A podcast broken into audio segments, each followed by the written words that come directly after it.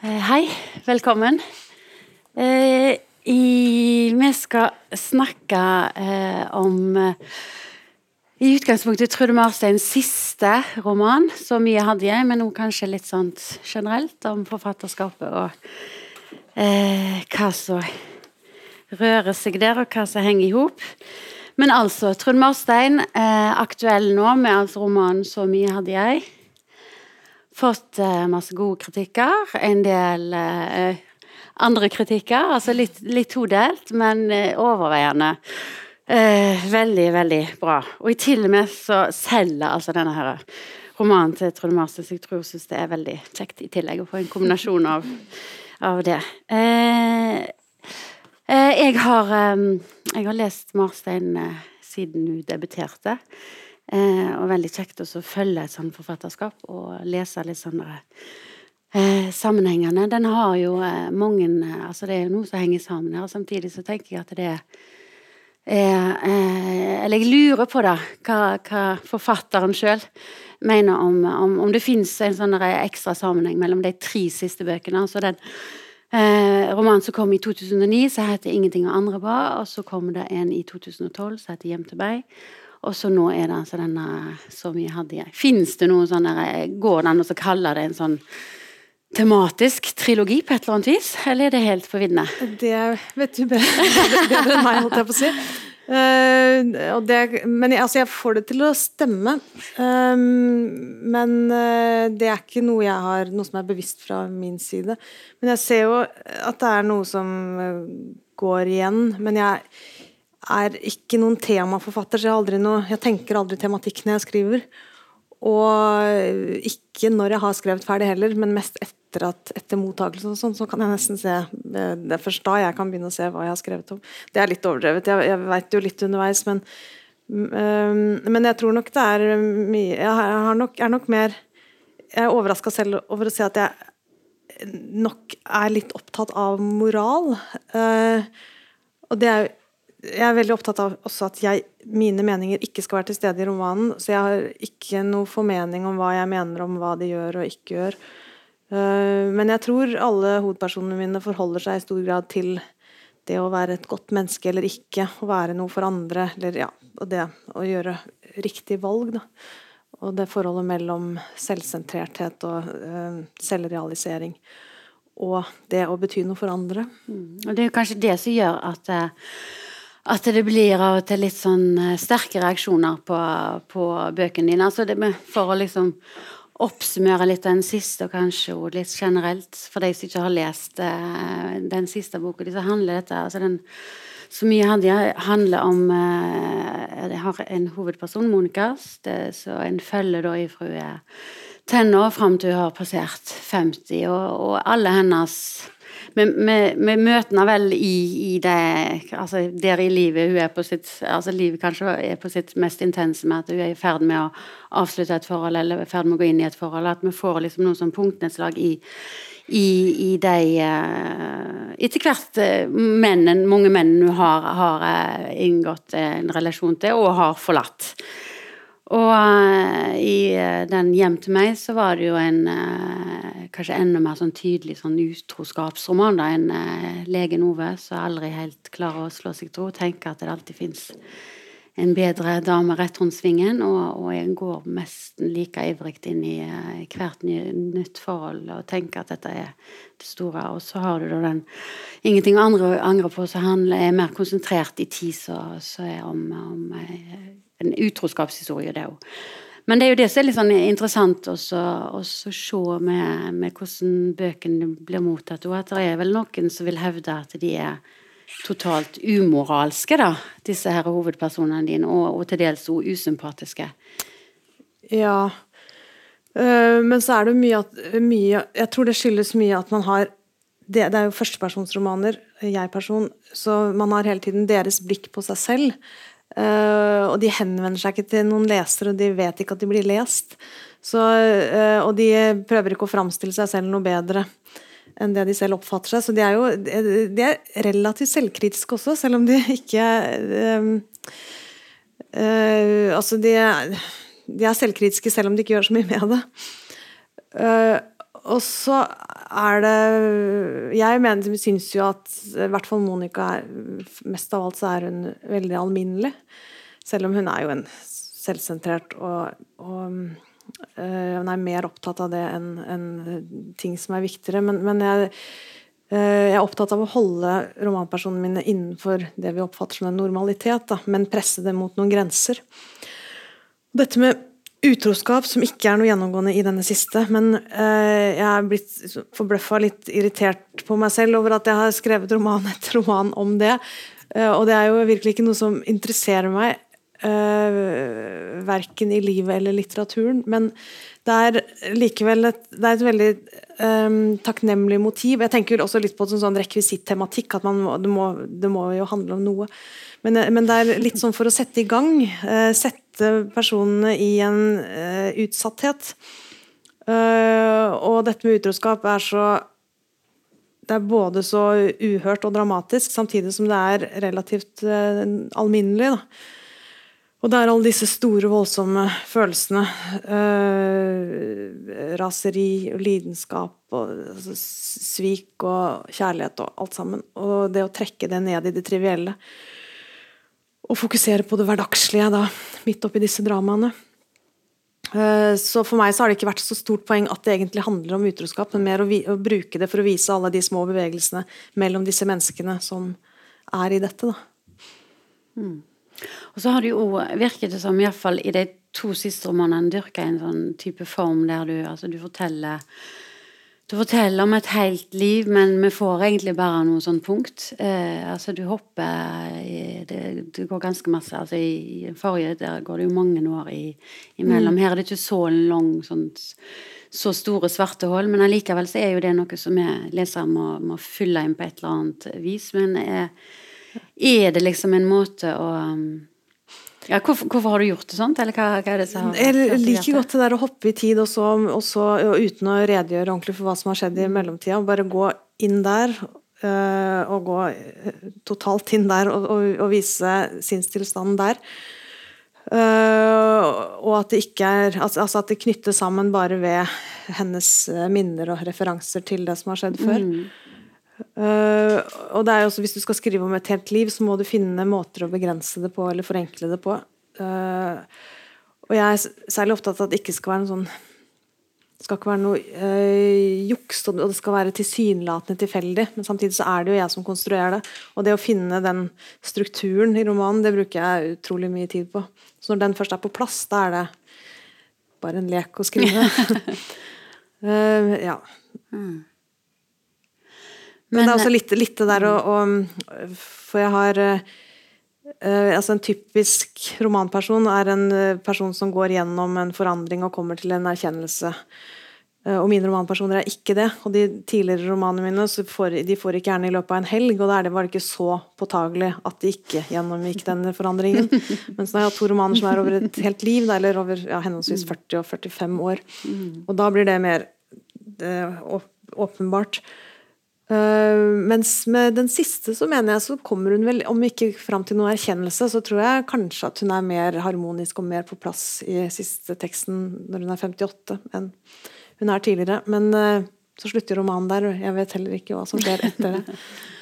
Nei, for det, altså, det, er jo noe så tidlig eh, noen kan bli provosert av, det, at, at, du skriver romaner der de faktisk ikke blir bedre mennesker i løpet av et livsløp. Men altså, jeg tenker jo at når, når du leser og da, er det jo ganske effektivt å ha en sånn type form som du bruker, da, du, for da får du liksom Du ser at det til en viss grad så er vi de samme, og er det mulig eh, å endre seg som, som menneske. Men samtidig så er jeg, jeg jo litt sånn Jeg syns jo at du har blitt litt eh, Kanskje litt varmere overfor hovedpersonene dine i løpet av forfatterskapet. Er det noe som du kan stå inne for? Altså, jeg jeg ja. syns jo at Monica har et eller annet ved seg som gjør at eh, ja, Du er ikke noe så nådeløs med henne, kanskje? Da... Nei, nei, det er jeg glad for at du sier, og det merker jeg tydelig òg. Men når jeg skriver, så er det det altså Jeg må en, få en veldig empati for personene mine selv. samtidig som jeg, altså jeg må være helt nært, og samtidig som jeg har dem på en armlengdes avstand, og aldri falle for fristelsen til å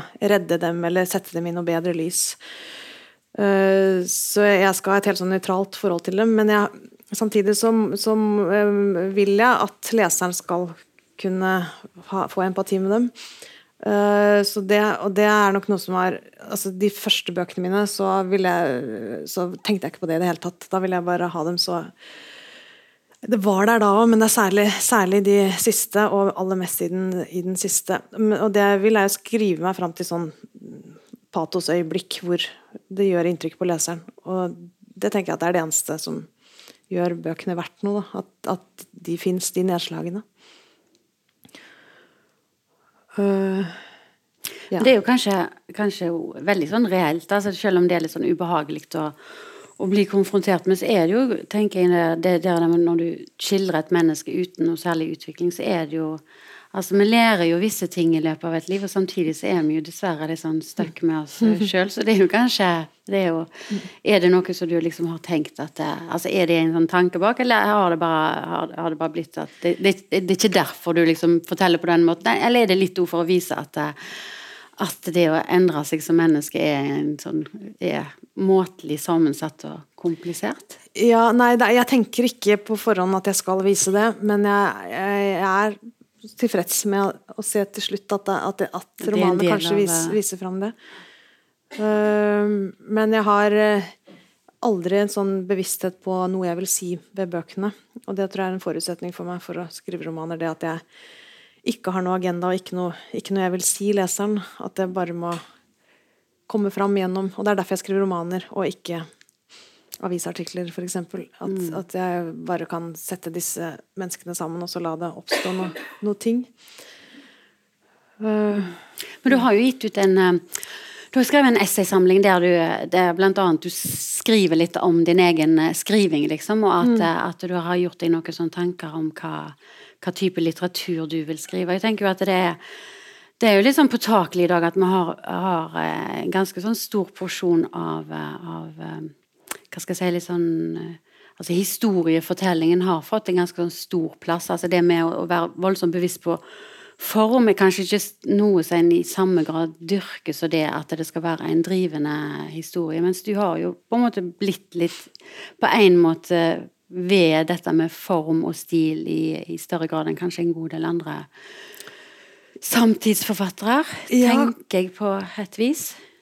Ja, jeg er veldig opptatt av form og stil, men samtidig så er jeg også altså Jeg er mest av alt opptatt av en sånn romanbevegelse og stadig større sånn fortellerglede. egentlig, øh, Glede over å vise fram disse menneskene og la, prøve å få dem til å framstå sånn at de er nesten virkelige.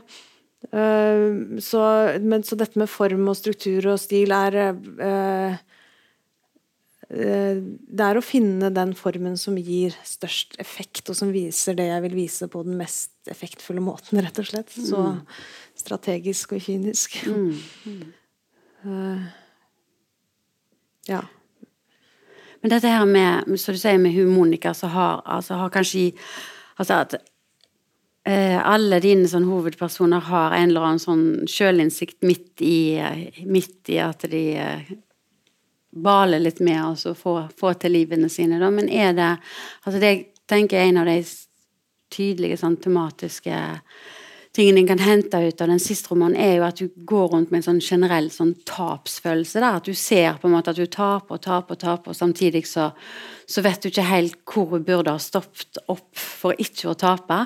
Mm. Er det Altså, dette her med, for Du har jo skildra det i flere romaner, der med altså, at en drives mot noe som en eh, ikke har der og da? Er det liksom et altså For Monica sin del, er det, er det et bra prosjekt? Er det et dårlig prosjekt? Er det et uunngåelig prosjekt? Kunne hun hatt unngått liksom den der driften mot For det virker jo som du tenker at du kan få et mer sånn eller du vil leve et rikt og intenst liv der på et eller annet vis. Du vil ha en frihet, og samtidig så mm. ser hun jo sjøl at med å ville det, så taper hun mye på veien.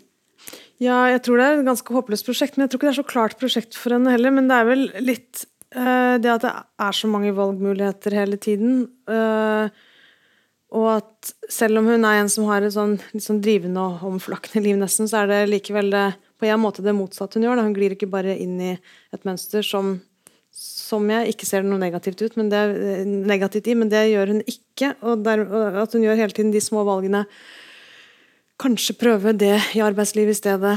Eh, kanskje dette forholdet ikke er så bra. Eh, barn eller ikke, bo der eller ikke. Eh, flytte på småbruk eller bo i byen.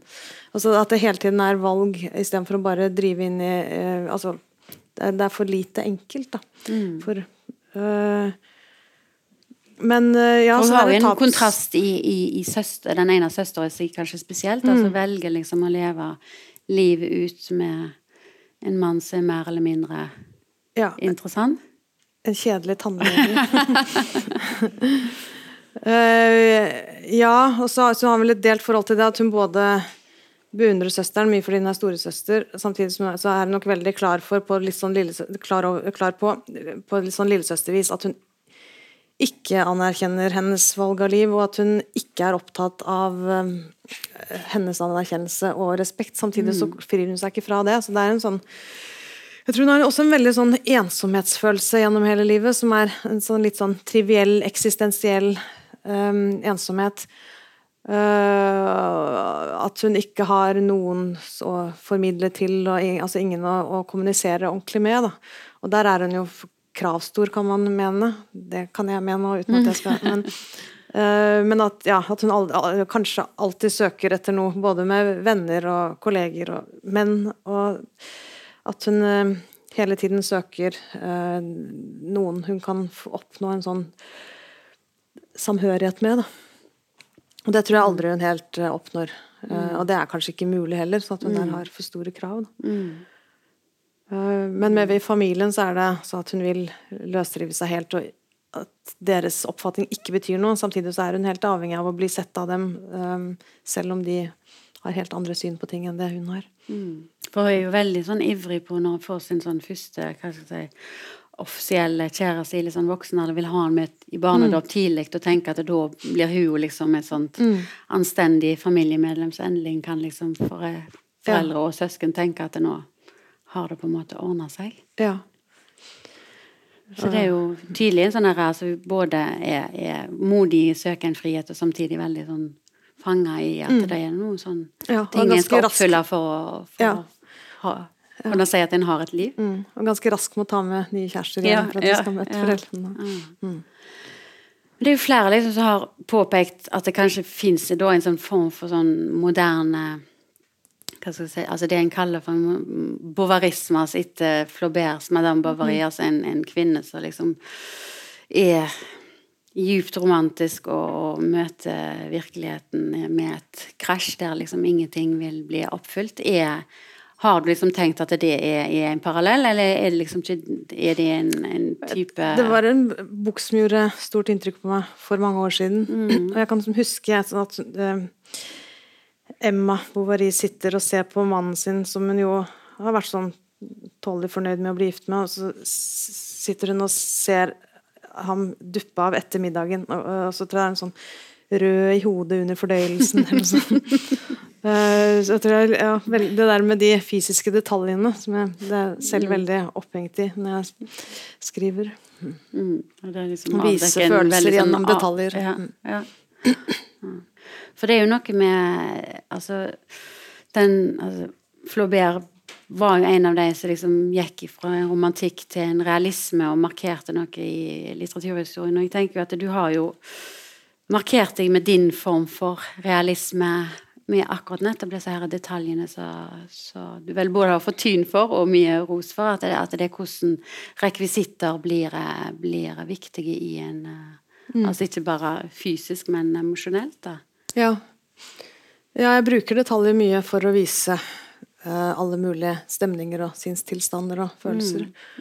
Eh, så de, de blir jo aldri Detaljene blir aldri symboler, men de blir får likevel en som, større betydning enn seg selv. Og hvis de ikke har det, så må jeg bare ta dem ut. Så ideelt sett så skal alltid teksten ha betydning, men ikke større betydning enn at det bidrar til å utvide inntrykket av personer, relasjoner, situasjoner. Men at det hele tiden skal ha en viss betydning, selv om det tilsynelatende skal være tilfeldig og overflødig.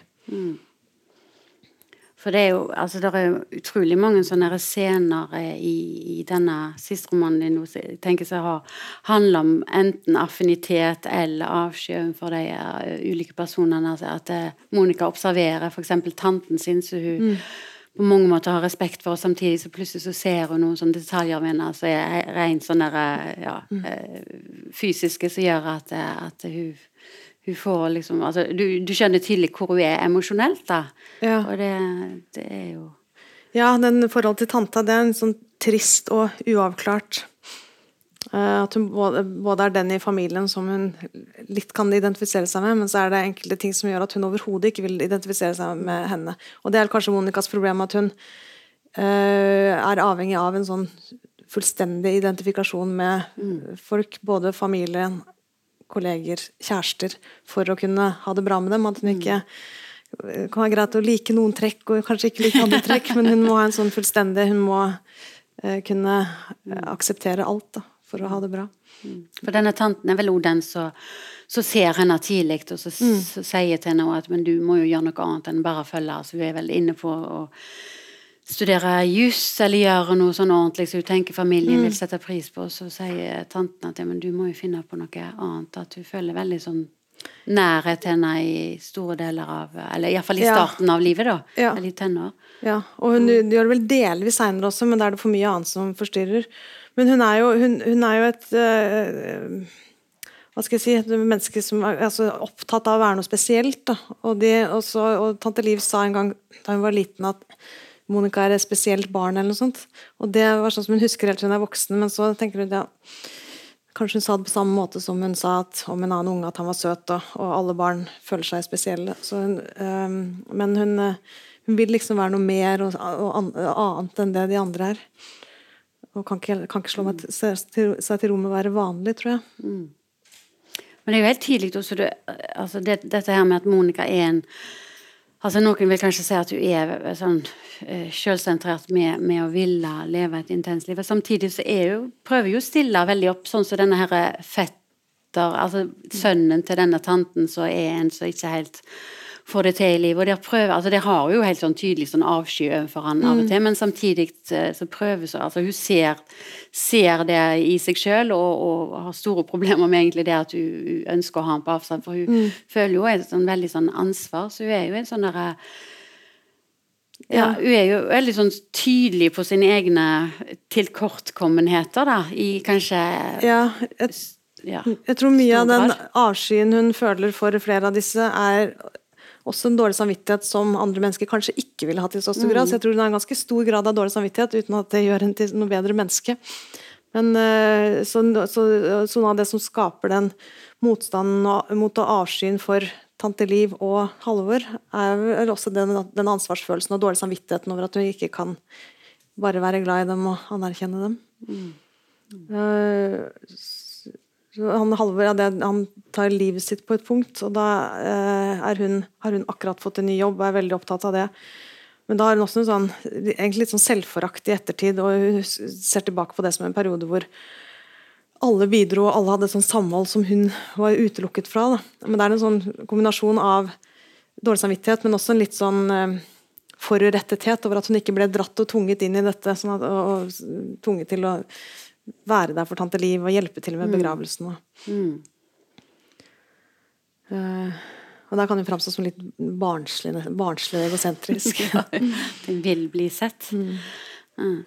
Men hva er det som du har gjort? For jeg tenker jo det der den overgangen ifra uh, denne Ove, som er hovedpersonen i Hjem til meg, og så Monica i den siste, der, der du Altså På mange måter så kan de jo kanskje ligne på hverandre, selv om det er mye mer sånn utroskap som driver Ove. Mens for, eh, for Monicas del så er det jo kanskje mer sånn genuint at du ser selv at du står der og vakler mellom og ønsker frihet og, og noe intenst. Og, og, og, at du vil på en måte lage et liv på sine premisser, samtidig som du kjenner på alle de ja, de forventningene som ligger tross alt i hva et uh, skikkelig liv er. Men hva, hva, tenker du er det som har gjort at, uh, at du har gått ifra en litt mer sånn For jeg tenker jo at den Ove er mer lett å avfeie, selv om en kan skjønne liksom driften. Altså er han lettere å tenke 'herregud, kan du ikke bare gi deg nå'? Du må jo skjønne at dette her går til helvete. altså Du vil ikke finne noe altså Når du holder på sånn, så det, Det vil ikke ende bra, liksom.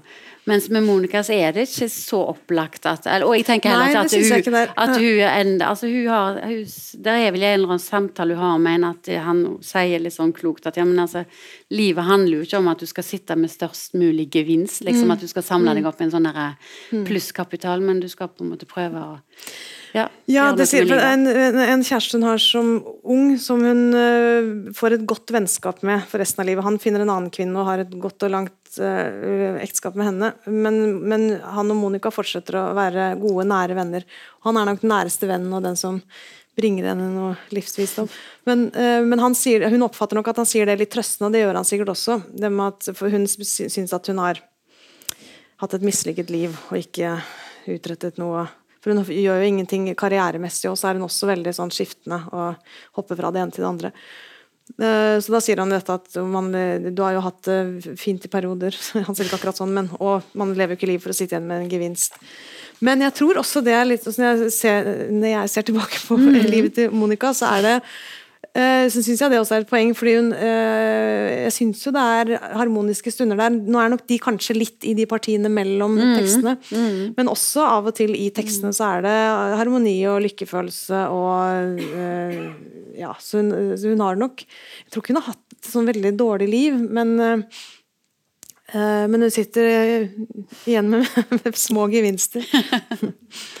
Eh, Men hun er, mot slutten så endrer hun, for hun er- jobber som lærer tidlig i livet, og så er hun innom reklamebransjen og som frilansjournalist og forskjellig. Eh, og når hun er lærer tidlig i livet, så er hun eh, ikke noe god lærer, og hun, hun orker ikke å engasjere seg i elevene, men der er hun også veldig dårlig samvittighet for det. Og hun slipper fra seg en elev som ikke fikser matten og vet at hun aldri kommer til å komme seg opp igjen.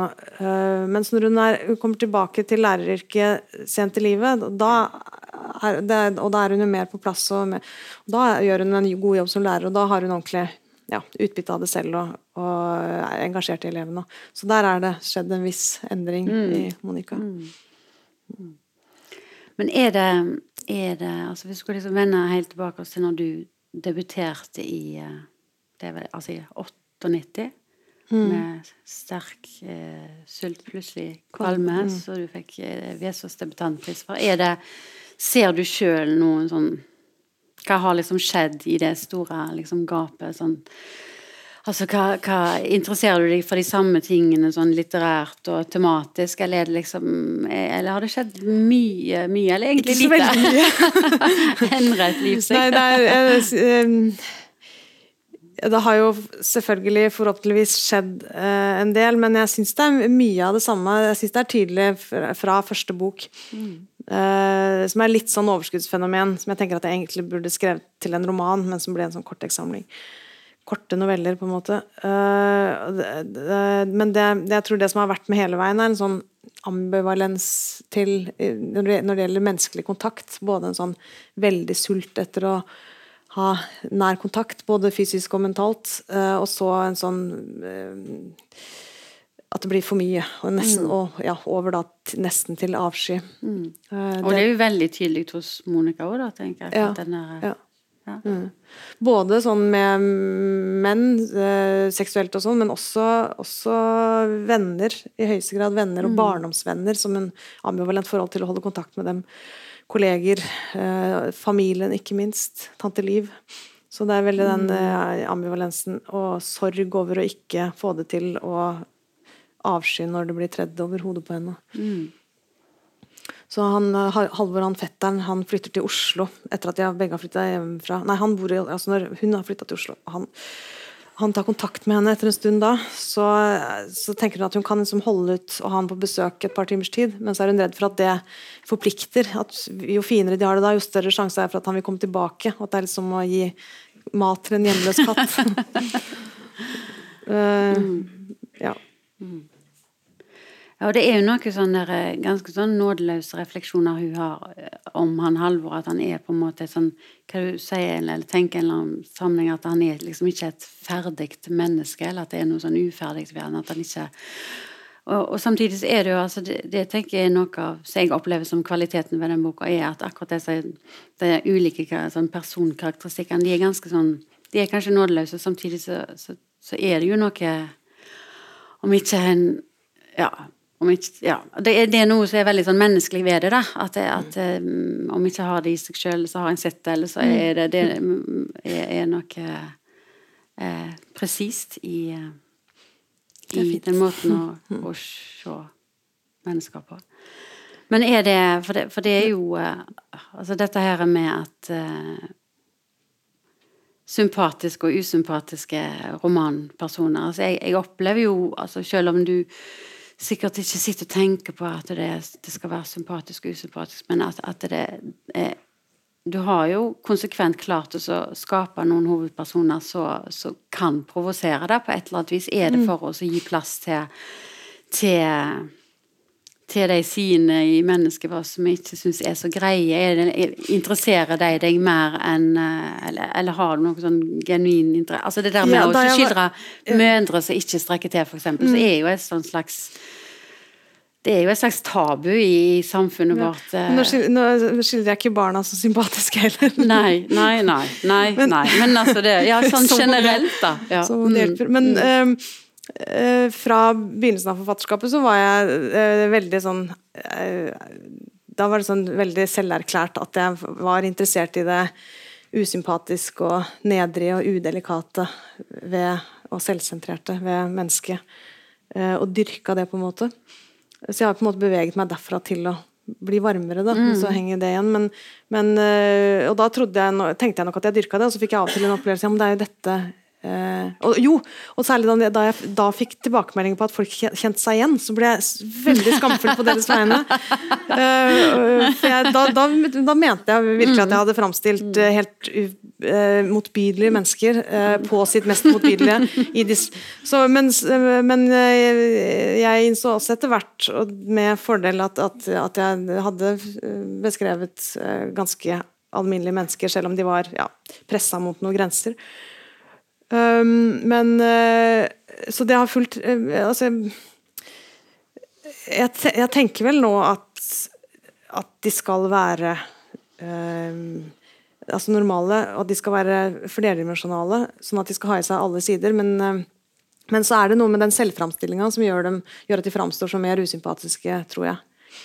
Mm fordi de ikke legger skjul på noe uh, for seg selv. Fordi mm. de ikke henvender seg til noen leser. Og at jeg ikke tar dem i forsvar på noen måte. Mm. Og i det så oppstår det jo ofte en sånn derre type humor, da. Altså frivillig eller ufrivillig. ja, det er veldig bra. det, det er jo Det syns jeg er, er liksom noe mm. med Ja, sant. Og det er jo Men jeg tror jo når man har med hverandre å gjøre, så er det jo utrolig mange, mye man Eh, jeg skal ikke bruke ordet, ordet, spill som noe negativt, men altså, samvær mellom mennesker er jo helt avhengig av en viss grad av, av spill og dekkover. Eh, hvis man var eh, totalt spontan og naturlig hele tiden, så ville jo ikke menneskelig samvær fungert i det hele tatt. Mm, mm. Så det er litt å ta det på alvor. Da. Så når du da er inni hodet på en, så, mm. så er det ikke Den måten kan ikke mennesker ha med hverandre å gjøre på i virkeligheten. Mm. mm. Er det liksom noen andre så hvis du setter deg inn i en sånn der uh, litterær kontekst, er det noen andre du liksom kjenner sånn tydelig sånn affinitet når det gjelder altså måte å skrive på, måte å se verden på av andre som skriver nå i, i en norsk Norsk. Ja. Mm, eh, Dag Solstad er min store favoritt, men han går det ikke an å bli inspirert av. Men, går, men han har nok likevel via en masse omveier hatt en del Hvorfor går det ikke an å bli inspirert av han? Nei, nei det er, noe, uh, for det første så er det, altså, det er farlig fordi at skrivemåten hans er altså Hvis man det, det, blir, det, blir, lett gjenkjennelig, ja. samtidig som man ikke kan mm. ha muligheten til å gripe noe av det solstadske. Mm. For det er mm. så Det fins ingen som er så egen og så usammenlignbart. Men er det stilen og er det humoren, er det liksom hele det er, pakken? Måte, det er, er veldig det krøkkete, og det er ja. altså og masse krøkkete setninger og avsnitt satt sammen til eh, noe som gjør veldig inntrykk. Mm. Og så er det at han, at det er, han er så veldig distansert og kjølig, og så brekkes det opp i sånn veldig plutselig ømhetsblaff som fascinerer mm. meg veldig, og overrasker meg hver gang. Mm. Og at uh, Solstad kan bruke uttrykk som uh, noe Altså at beskriver sjelen i mennesket som en roterende sol. det er sånn, Jeg kan ikke tro det før jeg leser det igjen. Det, han har skrevet det. Uh, så han er, eh, har betydd mye for meg. Uh, Anne Oterholm, hun syns jeg er veldig god. Hun er det ikke så mange som har lest, tror jeg. Hun burde få mange flere lesere. Hun har sære bøker som er vanskelig å like, men jeg og de irriterer meg veldig. Men, eh, For hun har jo hovedpersoner som kan være ganske sånn provoserende. ja, og, ja. Men og veldig sånn sårbare og ja, ja. Hun har eh, De siste bøkene så har hun bare mannlige hovedpersoner, eh, og hun sier at hun tror aldri hun kan ha kvinnelige hovedpersoner mer. Okay, ja. og det er noe med, også med en litt, litt sånn gratis distanse, som jeg selv har kjent med å skrive fra mannlig perspektiv også. Eh, og da jeg nå hadde Altså kjennes mer utsatt og sårbart å skrive fra kvinnelig perspektiv fordi jeg er kvinne selv, men det føles ikke noe lettere på noen måte. Og det føles ikke som noe mer privat, men, eh, men at det lettere kan oppfattes som det. Eh, så eh, jeg holdt på å skifte kjønn på henne underveis, faktisk. eh, For å, og Veldig sånn befriende å bare ah, skrive om en mann, bare. Men da kjentes det litt ja, feigt også. for du syns det var lettere med denne Ove da, når du så tilbake? Altså i Roma, forrige roman? Ja, lettere og, og faktisk lettere Og, For Ove hadde jeg masse empati med, og det var vanskeligere å få empati med Monica. Det er jo interessant. Da. Ja, for man får en gratis altså Jeg mener at man er likere enn det man vanligvis oppfatter eh, at man er, eh, menn og kvinner. eh, Så at det er veldig mye som er Det aller meste er felles, og så er det selvfølgelig også forskjeller. Og de forskjellene de bidrar til en sånn liksom gratis fremmedhet som er veldig fruktbar når jeg skriver. Og det å skrive også hele tiden få altså Apropos Solstad med det krøkkete Eh, det å få inn noe fremmed Hvis en tekst er stillestående, en situasjon er stillestående beskrevet, så må jeg bare få inn noe fremmed. Og det, og det kan være da å lese en annen bok og dele og omforme og putte det inn der, og så tette alle spor, skjule alle spor. Men bare få noe som ikke hører hjemme, og så tvinge det inn. Uh, eh, Kyrre Andreassen liker jeg veldig godt.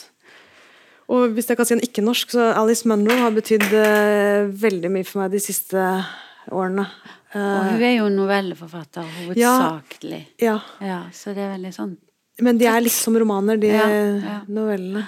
Og hva er det med Hva er det der som gjør at eh, du lar deg inspirere? Nei, hun, eh, det er litt sånn som trøst jeg tenker at men, Og, og som, som jeg merker også at det er mer eh, Kanskje det bare er i mitt hode, men at det kjennes mer utsatt uh, ute der å skrive om uh, forhold, lidenskap, forelskelse osv. når man er kvinne når man er menn. Man blir fortere stigmatisert som kvinne. Men hun er så stor og anerkjent, og, men hun skriver i så stor grad om det. men på så veldig sånn livsklok måte. Mm. Og, og det er så morsomt og så fascinerende og trist og flott og ja. Eh, ja, det er noe av det jeg syns kan være fascinerende med altså de forelskelsene til Monica og Ove, er jo det det å ta den forelskelsen helt på alvor.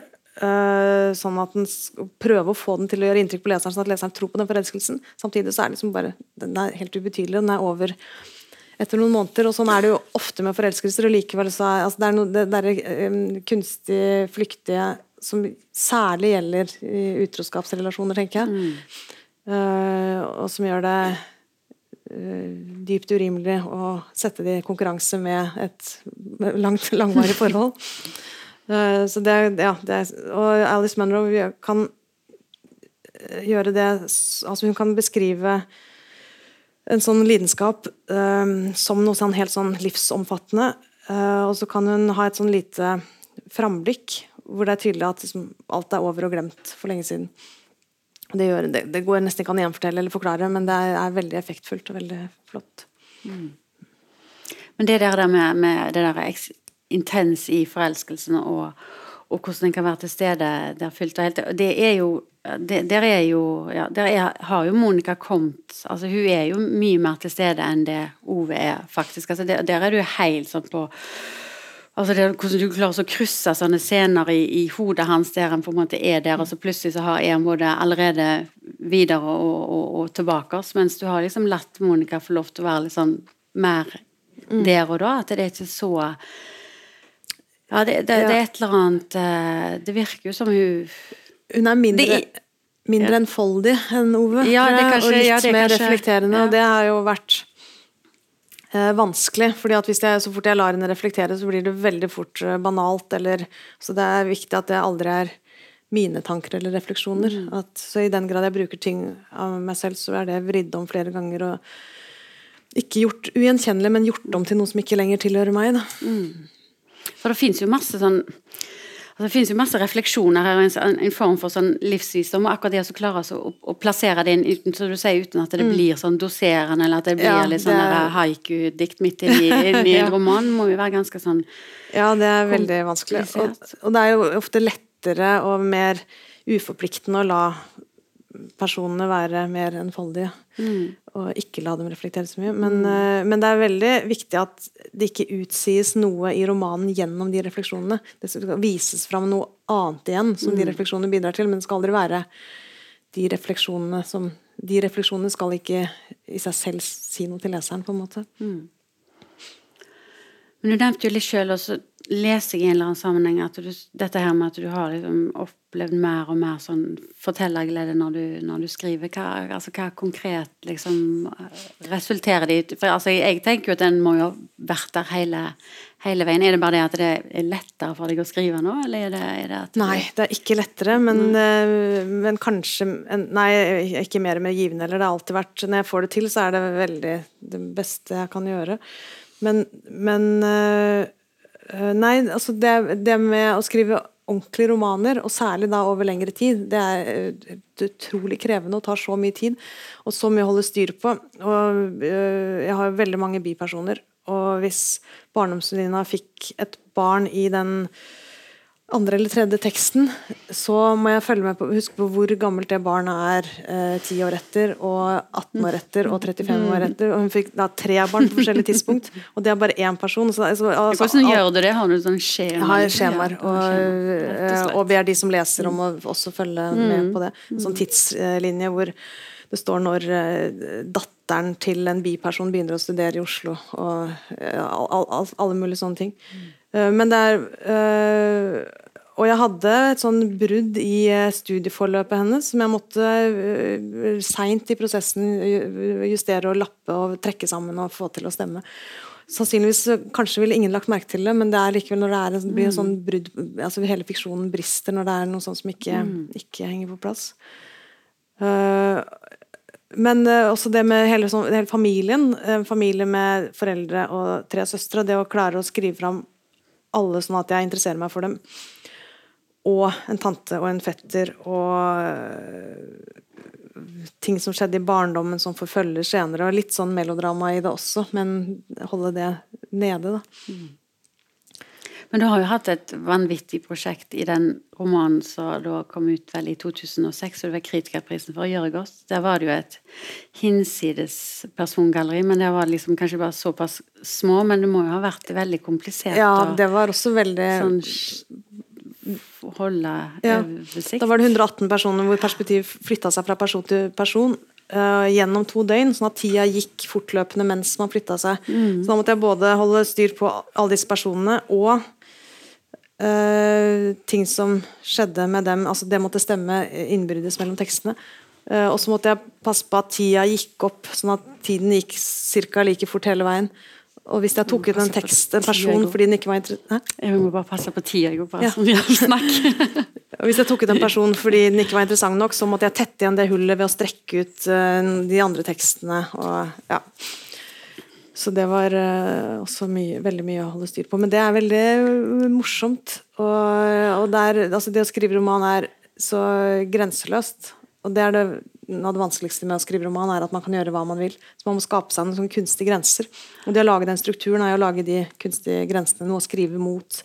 Og hvis jeg da bestemmer at personen bare skal ha perspektiv hver sin gang, så er det mye jeg ikke kan gjøre, som jeg får ideer om, og så må jeg da presse de ideene inn i noe annet i stedet. Men altså alt ifra, jeg tenker den gjør det godt er for mange som har lest deg kanskje òg et høydepunkt i, i, i forfatterskapet. Men så er det jo det at det plutselig så skriver du en roman og så jeg tenker har, har tydelige sånn Altså bøkene dine henger jo på, på ulikt vis, og så plutselig så, så, får du mange flere lesere enn du noen gang har hatt. Altså, du, ser du sjøl eh, eh, noe grunn til altså rent altså, Ikke sånn eksternt, da, men jeg tenker på boka i seg sjøl. Er det noe i den som gjør at, at det appellerer? Eller, altså, jeg tror det å følge en person um, og gjennom mange år, at det er noe lesere gjerne vil ha, og at det er flere personer man følger. Uh, og litt dette med uh, flere generasjoner. Uh, ja, for det er jo helt tydelig der med foreldrene, altså mm. mor, mm. mor og far til Monica får en jo et ganske tydelig bilde av, og tanten og ja. deres, mm. deres, forhold og lange ekteskap.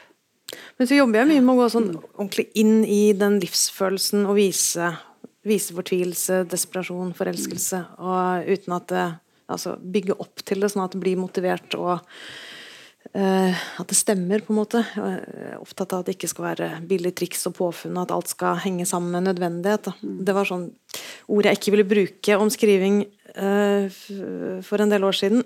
ord som sant og nødvendig og sånt, men er, nå er jeg veldig opptatt av at det skal, være, mm. det skal stemme, det skal være sant, det skal være nødvendig. Det skal ikke være noe tull, ikke noe påfunn. Og, mm. Alt skal henge sammen med nødvendighet. Så hvis noe ikke er nødvendig, så kan jeg ta det ut. Og det, mm. Ideelt sett så har jeg gjort det, men uh, jeg gikk jo, det, Den siste, aller siste prosessen så er det jo mye å gå gjennom og stryke hele og halve setninger som er overflødige. Dette skjønner leseren, dette skjønner leseren. Og det ville jeg gjerne tatt noen runder til på, øh, men øh, der tror jeg også at man beveger seg over i hvor det blir mindre lesbart òg, da. Mm. At det skal ikke strippes for mye. Mm. Mm. Men da er det viktig at alt går gjennom hodet til Monica. At det, at det ikke er forfatteren som kommer med info til leseren. Det, mm. ja. Og Det virker jo som du er en forfatter som bruker tid på bøkene dine før du gir dem ut. Da. Så nå er det 2012, var det sist? Ja, sånn er det. Men uh, ja. så lang tid skal det ikke gå igjen, tenker Nei. jeg. Men uh, tre år er en fin syklus. Ja, Såpass lang tid må det ta, tror jeg. Så vi, vi kritikere vi liker jo liksom av og til å tre nedover dere forfattere sånne uh, teser om at dere skriver liksom har et eller annet sånn avtrykk i hva som tidsånden her og nå, liksom. At det, altså, når vi skal skrive om deres bøker. Men er det Tenker du sjøl at uh, altså Ikke når du sitter og skriver, men at når du sier sant og nødvendig, altså er, tenker du at bøkene dine nå Altså, de blir skrevet her og nå, de, de, og det er ganske sånn essensielt, liksom, at, det, at de ikke er historieløse. Eller tenker du at de til en viss grad òg kan være historieløse? Altså løsrevet fra den samtidige skrevet. Altså, Monica, kunne hun levd, uh, kunne hun levd for 20 år siden eller 30? Er, er, hun liksom, er det en tidsånd her? Altså, jeg tenker på det temaet om, om den der veklingen mellom frihet og, og ja, trygghet, ja. for eksempel. Jeg, jeg, vil jo at det både skal altså Når jeg har skrevet ferdig, så vil jeg at boka både skal uh, gripe tidsånden, samtidig som det skal være noe universelt og tidløst ved den. Mm. Og det vet jeg jo ikke om jeg har Nei. fått til, men jeg håper jo at det ikke bare er en bok som er lesbar i ti år, liksom. Mm. Ja, jeg tror det kanskje være en sånn fin avrunding for scenen her. Men altså, vi har tenkt å åpne for eh, spørsmål fra salen når dere først har Trude Marstein til stede her. Så er det veldig sånn fritt fram i iallfall Skal i fem minutter cirka. Sju minutter.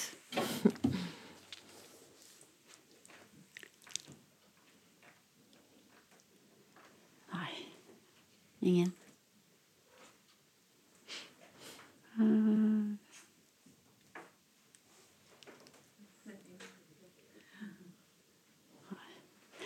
Eh, siste spørsmål fra meg, da. Eh, altså når, når, du, altså du sier sjøl at du, du, ikke ser noe sånn her altså, Du kan se det i ettertid at det henger litt i sammen. Eh, F.eks. det at du på et eller annet vis har tatt tak i utroskap som en sånn her, litt sånn nødvendig rekvisitt, og så skriver du noe ut ifra det. Har du funnet noen nye nødvendige rekvisitter for nye prosjekter, eller kommer, kommet kommer utroskapen til å bli nei. brukt og misbrukt videre, på en måte? Eh, nei, men jeg tenker når jeg skal i gang med bok igjen, så må, uh, altså, må jeg nå skrive om et livsfareforhold? Eller altså, ja, for jeg, jeg, jeg, jeg, altså, jeg, merker at jeg interesserer meg for det, det relative, og samtidig så altså det derre eh, At hun kan gi så mye og ha det så fint med en, og så kan hun bare hoppe ut av det, og så er man et annet sted, og så kan hun gi så mye og ha det så fint med en annen. Det er et eller annet der som, som interesserer meg litterært.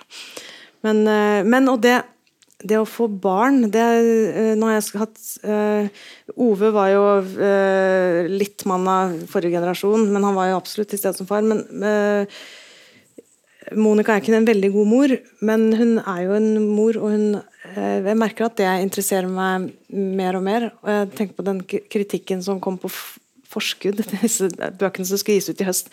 Det skulle gis ut mange bøker om det å få barn. Uh, og Endre Ruseth var ute og kritiserte disse på forhånd.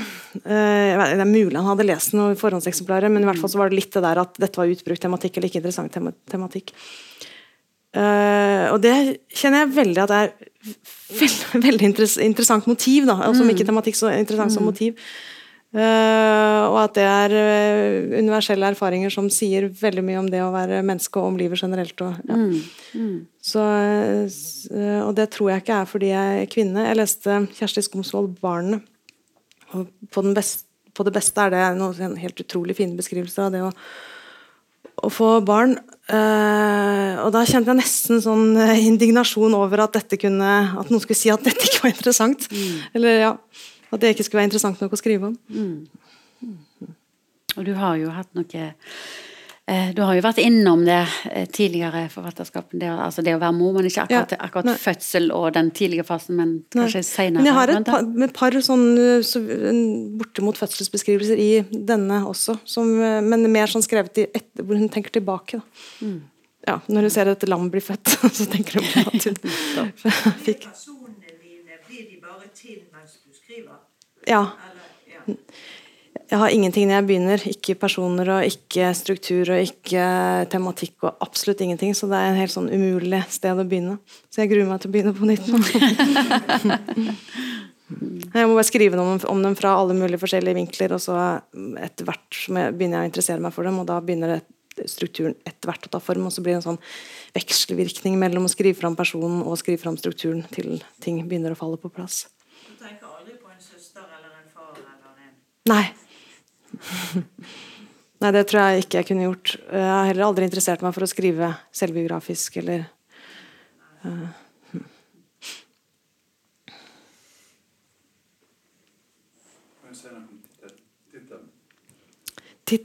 ja, jeg syns det er så vanskelig å finne på titler. Så jeg hadde faktisk det ville overraske mange, men jeg hadde 'Samvittighet' som tittel på denne lenge. Og så kom eh, forlaget med forslag til ny tittel som jeg var synes var veldig fin. og Det er denne, og det var, er faktisk mannen til redaktøren min som har funnet på den. Eh, så det er jo den barneleken med så mye hadde jeg, så mye ga jeg bort, så mye fikk jeg igjen. Uh, den uh, har jeg ikke hørt på mange år, men nå i sommer så var jeg ved Ulstervann med sønnen min, og da satt det to jenter og lekte den leken. Og det uh, føltes som arrangert, som om de spilte skuespill. at noen dem For da var liksom tittelen allerede bestemt? Da var, var tittelen akkurat bestemt, så satt de og hadde den leken i vannkanten. så ja, jeg er ikke så jeg, Det jeg ikke liker så godt ved den, er at den er så altfor lett å på en måte lese symbolsk. Da. Men det det får jeg tåle. Er det noen flere som lurer på noe? Ja? Nå har ikke jeg hørt så veldig mye, for jeg har dårlig hørsel, men jeg har lest boka. Den er veldig god. Mm, takk. Eh, men da jeg begynte å lese den, så likte jeg ikke en person Monica i det hele tatt. Og jeg må si at gjennom Monica som er her. Mm. Det er ikke en person man elsker eller liker, for hun er egentlig veldig selvopptatt. Ja. Uh, og mm. hele tiden så går det liksom en balanse mellom å være selvopptatt og, og, og ha empati. Ja. Og det er kanskje veldig normalt menneskelig. Men jeg hadde veldig lyst til å høre hvordan det gikk med Monica senere. Ja. det skulle jeg Ja, det skulle jeg gjerne likt også. Spennende å ha et kapittel til på mm. gjennom hele livet. Ja, ja. Jeg liker å ha litt åpne slutter, og dette er jo faktisk en mer lukket slutt enn jeg har hatt før, fordi det, hun faktisk virker sånn tilsynelatende ganske på plass, og hun har, er i et forhold som man kanskje kan forestille seg at kan vare uten at det er den store lidenskapen og sånn. Men dette med at hun er selvfølgelig veldig selvopptatt, men jeg tror at hvis du er inni hodet, så, hodet på én person gjennom 400 sider, som han jo er her, så tror jeg nesten hvem som helst vil framstå som selvopptatt. Jeg tror det er noe med den formen også. Men, eh, men jo, hun er, hun er selvopptatt. men hun har også samvittighet og empati. Jeg likte tante Liv bedre. Ja.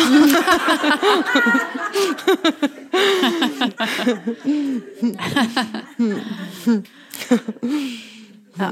Det viser iallfall at Trude Marsen er i stand til å skape karakterer i litterær form som engasjerer. Så det er bare til å lese. Eh, jeg vil bare si tusen, tusen takk for at du fortalte om alskens. Og takk til dere som kom. Hm? Ja, det har den. Det har den. Ja. godt. Å, tusen takk. Mm. Ja. ja. Ja, nå kommer også Hjem til meg og Plutselig har noen åpne dør. De kommer også på lydbok nå. Uh, etter at den For nå har den solgt litt, denne lydboka også. Så det er veldig uvant for meg å selge, men det er veldig morsomt.